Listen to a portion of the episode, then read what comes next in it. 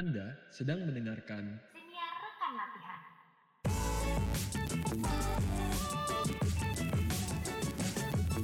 Halo semuanya, selamat datang kembali di Siniar Rekan Latihan, tempat kita belajar berlatih bareng, upgrade diri untuk menjadi lebih dewasa. Di episode ini kita udah nyampe ke 6 dan kita melakukan hal yang sedikit berbeda nih dari kebiasanya. Ada sesuatu yang spesial nih, boleh di-spill Pak, langsung Pak. Betul. Nah, spesialnya itu karena episode ini masih akan bersambung, masih ada hubungannya dengan episode kelima, episode minggu lalu. Hmm. Nah, ngomong-ngomong tentang minggu lalu nih, minggu lalu gue inget banget lu bilang kalau lu lagi KKN, bener kan? Bener. Oke, tapi kan sebenarnya itu kita lagi liburan nih. Maksudnya liburan lu apa nggak keganggu sama KKN ini? Dan gimana caranya lu masih bisa menikmati liburan lu walaupun lu masih ada kegiatan lain, contohnya KKN itu gitu. Pertama-tama ya, gue itu sekarang menikmati liburan dengan subscribe ke Disney Plus Hotstar. Akhirnya, setelah sekian lama ya. Bener. By the way ini tidak disponsorin, tapi gue cuma pengen sharing aja bahwa ternyata worth it banget gitu kalau misalkan kita ada hiburan, karena bosen Tuh banget kan, loh. udah gue bilang udah gue bilang, susah banget loh. Ya, tapi intinya ya sekarang jadi ada hiburan lah, ada tontonan yang menarik. Nah, kalau untuk halangan sih enggak ya, menurut gua, gua tetap bisa berlibur, tapi challenge nih yang ada. Aduh, mau healing, mau chill aja ada challenge-nya nih ya, Pak? Iya, karena gua kan walaupun bersantai-santai, gua tetap pengen produktif kan, makanya gue bikin siniar ini, kita bikin siniar bareng, terus gue juga tetap harus ikut KKN. Nah, untuk gua bisa tetap produktif dan menjaga fokus gua, gua tuh perlu untuk tidak melihat notification HP dan apa ya, ngeklik-ngeklik aplikasi-aplikasi yang ada di HP. Oh, distraction lah ya, distraction lah. Bener, atau di gadget lah, apa pun gitu. Mhm. Tapi gue takut, Shell. Kenapa? Takut kenapa? Takut kalau misalkan gua nonaktifin gadget gua, orang jadi kesel. Karena dianggap, "Aduh Adam slow respon, susah dicari," gitu. Oh, iya iya iya iya iya, relate sih gue, relate sih. Nah, kalau lu konteksnya kan di tindakan kan ya, karena kan lu takut untuk menon menonaktifkan gadget lu nih. Tapi kalau gue tuh relate-nya di konteks yang cukup berbeda sih, Dam. Kalau gue tuh justru dari perkataan. Contohnya seperti apa tuh? Nah, kalau gue tuh, akhir-akhir ini gue kan baru dapet nih, mmm, tanggung jawab baru, di mana gue harus menjadi ketua project gitu kan. Nah, arti dari ketua project adalah tanggung jawab yang nggak kecil gitu di pundak gue kan, dan kadang keputusan tuh ada gitu di tangan gue. Dan gue tuh merasakan ketakutan yang sama gitu, gue takut orang tuh kecewa gitu sama gue, karena entah gue salah ngomong, karena kan omongan gue tuh ada dampaknya gitu ke orang-orang di sekitar gue gitu, dan gue jujur banget gue kadang takut orang menganggap gue malah, "Ini orang ngapain sih nggak becus banget jadi ketua." Kan agak serem gitu loh kalau misalnya orang berpikir seperti itu gitu terhadap gue.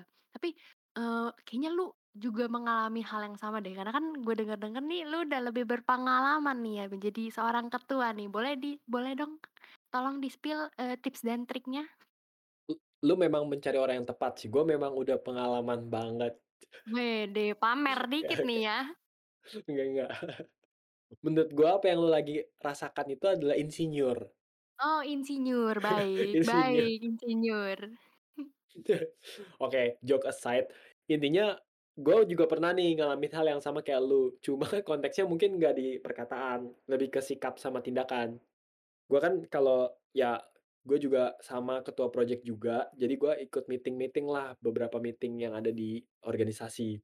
Tapi di meeting itu gue memang, eee, suka menjadi orang yang rame aja gitu, suka menge mencairkan suasana.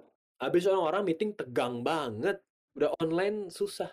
Ice breaking ya, ice breaking ice breaking. Iya, gue tuh pengen ya yang ada fun-fun-nya lah, jadi gue suka bercanda gitu. Tentu di momen yang tepat ya, gue nggak nggak terlalu liar juga. Tahu waktu tahu waktu tahu tahu waktu. kapan gue harus mulai, ya udah gue suka bercanda aja gitu. Nah, karena orang-orang ini diem semua, jadi gue anggap gue tuh aneh, beda sendiri. Makanya gue merasa, aduh apa gue ini terlalu aneh ya gitu.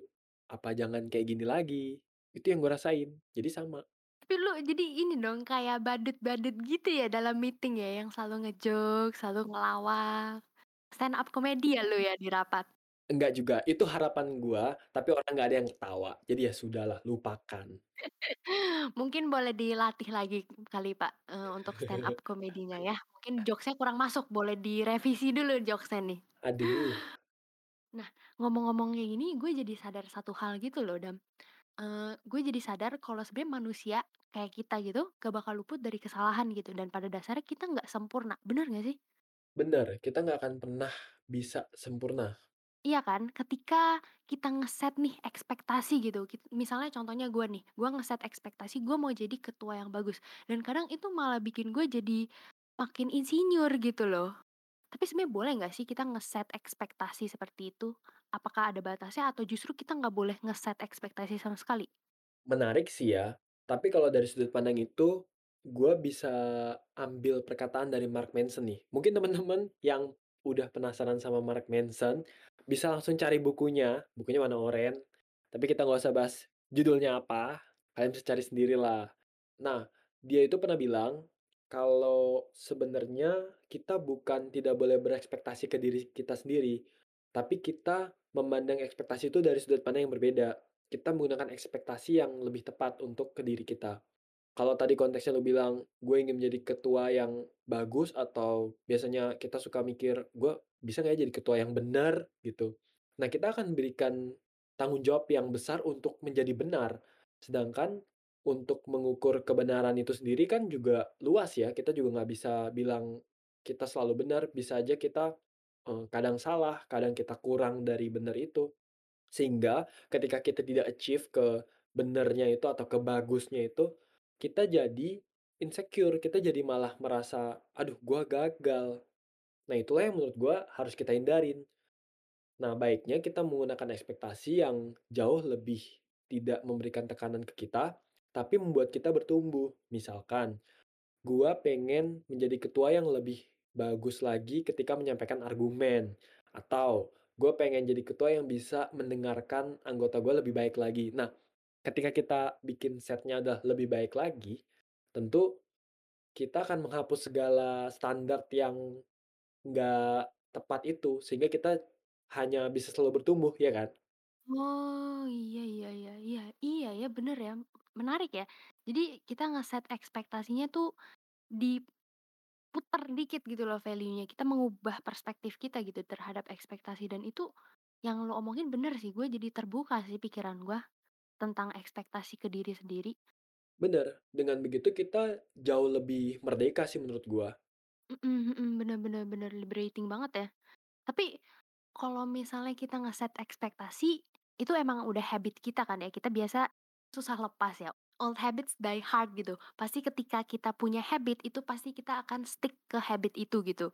Dan habit yang lagi kita omongin adalah menaruh ekspektasi ke diri sendiri gitu.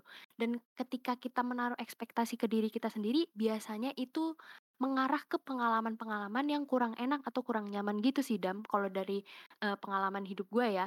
Jadi malah jadinya kayak membangun trauma gitu loh terhadap pengalaman yang kita alami kayak gitu. Lu pernah nggak merasa, eee, mendapat nih pengalaman yang kurang enak banget dan lu malah jadi trauma gitu terhadap pengalaman itu? Karena lu menaruh ekspektasi ke diri lu sendiri gitu. Pernah. Nah, cerita ini masih akan sangat fresh banget buat orang-orang yang ada di sekitar gua. Karena gue pengen cerita ya, gue izin dulu nih, gue mau cerita dulu. Jadi beberapa waktu yang lalu gue tuh dipercaya nih untuk masuk terlibat di sebuah project.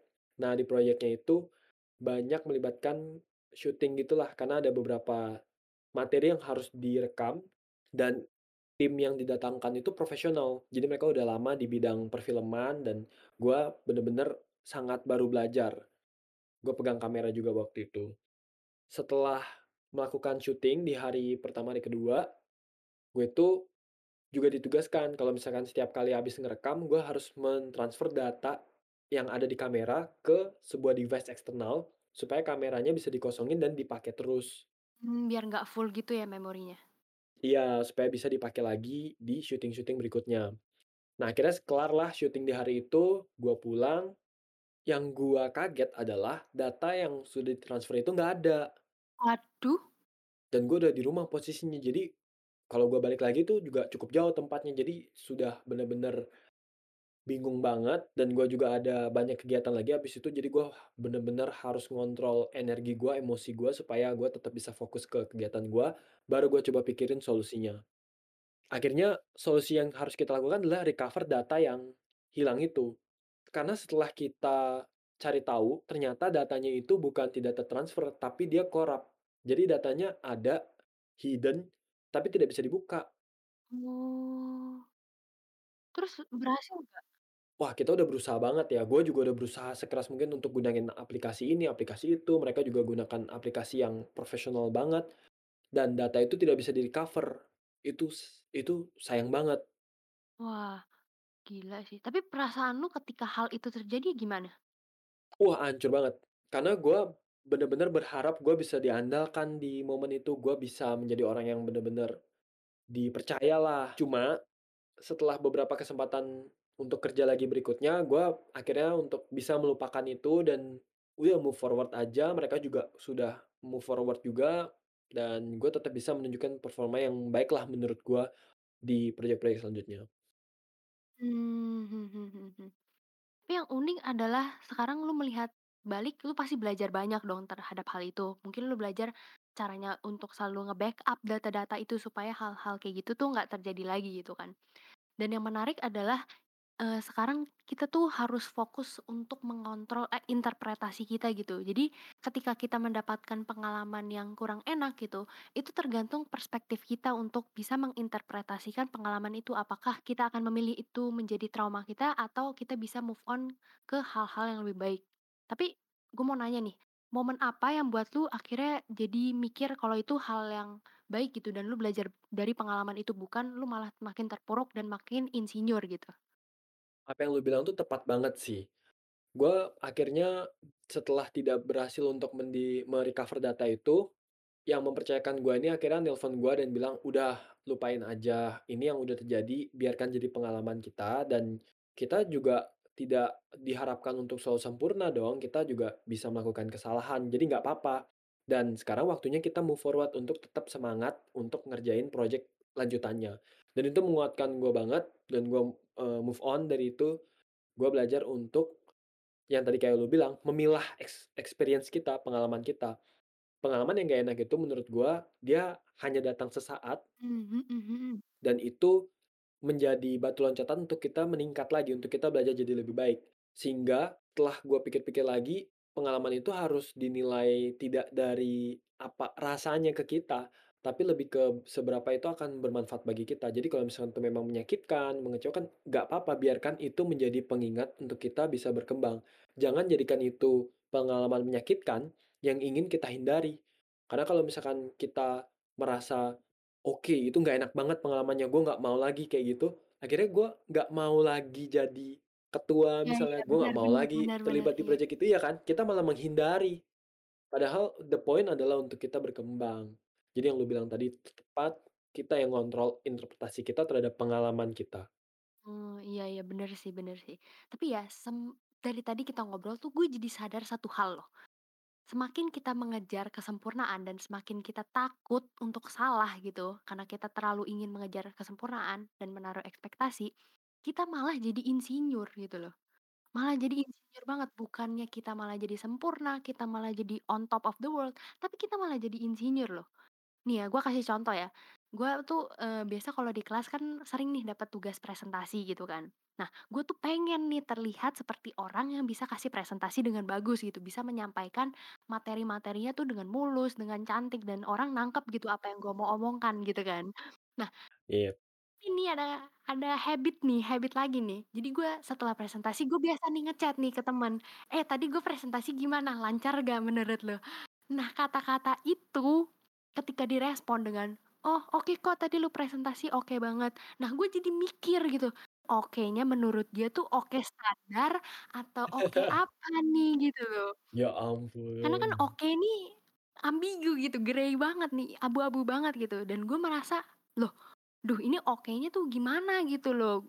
Akhirnya dari sana mulai tuh spiraling down kayak mikir, "Aduh gue nggak bisa nih public speaking, aduh gue nggak bisa nih presentasi, wah gue bakal minder banget nih next presentation," gitu kan. Dan akhirnya merasa makin terpuruk dan makin insinyur sih gue.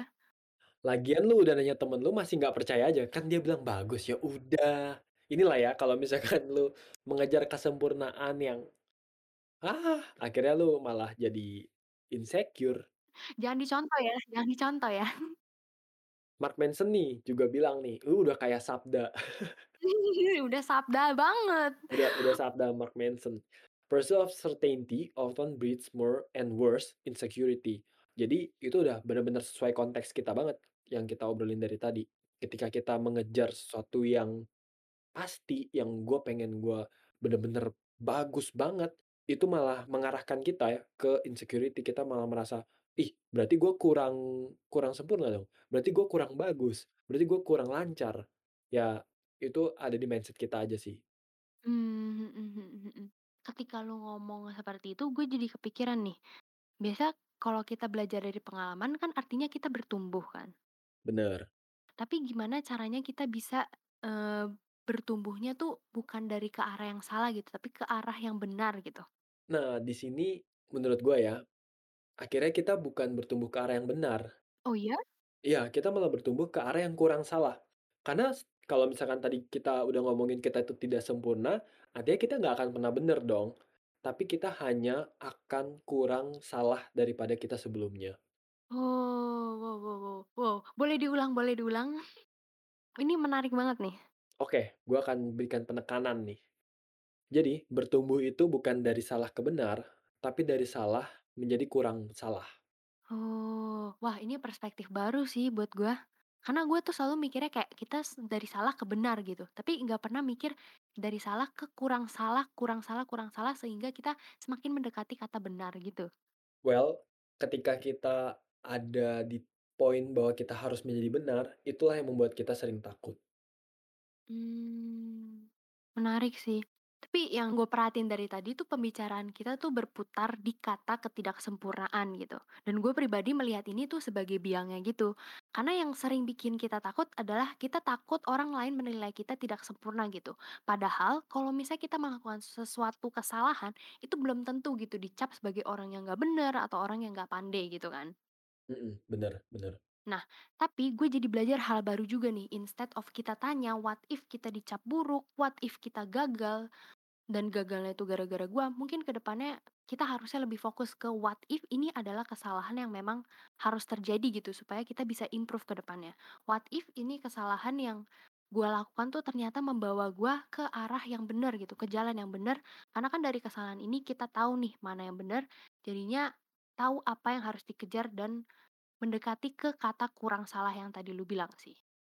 100% sepakat sama yang lu sampein, dan itu juga yang rasanya gua belajar banget dari diskusi kita hari ini. Gue seneng sih ya kita bisa diskusi lagi akhirnya tentang hal-hal kayak gini nih. Ada beberapa hal yang gua tangkep yang mungkin bisa jadi pembelajaran buat gua ke depannya, mungkin buat kita bersama juga. Yang pertama adalah perbaiki cara kita menilai pengalaman kita. Gue belajar tadi dari cerita-cerita kita bahwa kadang kita juga nggak perlu untuk menilai pengalaman yang lama itu buruk, tapi itu sebenarnya stepping stone ya untuk kita menjadi lebih baik. Lalu kita juga sebenarnya nggak perlu untuk berhenti self discovery, supaya kita nggak selalu mengejar ke certainty itu, tapi kita selalu mencari tahu lagi, mencari tahu lagi seperti apa sih kita yang paling baik. Mhm, mendekati kata kurang salah itu. Benar sekali. Kemudian kesalahan itu sebenarnya adalah kesempatan untuk bertumbuh dan kepastian bahwa kita benar itu sebenarnya musuh untuk kita bertumbuh. Jadi jangan biarkan kalau misalkan kita itu benar itu jadi target kita ya. Jadi ya selalu incer kita itu masih bisa salah, kita masih bisa salah. Dan yang terakhir i gua ngerasa ini yang banyak membantu gua ya dalam gua untuk bisa selalu bertumbuh, itu gue selalu nyatet kalau misalkan gua ada kata-kata yang bagus atau misalkan ada kayak takeaways dari buku atau dari podcast, gue biasanya catat dan gue highlight, gue pajang, sehingga itu mengingatkan gue lagi. Mmm, mhm mhm mhm. Salah satu cara ya, mungkin bisa gue ikutin juga sih ya, supaya gue tidak, eee, insinyur ya. Betul banget, supaya lu nggak takut lagi kalau mau presentasi di depan kelas. Gitu dong. Oke, terima kasih semuanya yang udah dengerin episode ini. Gue dan Shelly berharap banget kalian bisa menikmati obrolan tadi. Dan setelah kita ngomongin tentang melawan rasa takut salah, pastikan kalian juga nggak ketinggalan buat episode minggu depan. Karena kita akan bahas reaksi kita ketika kita mau berubah menjadi lebih baik dari kesalahan kita sebelumnya. Sik, menarik tuh. Ditungguin ya minggu depan ya. Dan don't forget to follow us on Instagram @rekanlatihan. Bisa lihat blueprint juga nih obrolan hari ini di sana dan kalau kalian mau request topik yang asik buat kita bahas bareng, bisa langsung DM kita aja. Sampai jumpa di episode selanjutnya.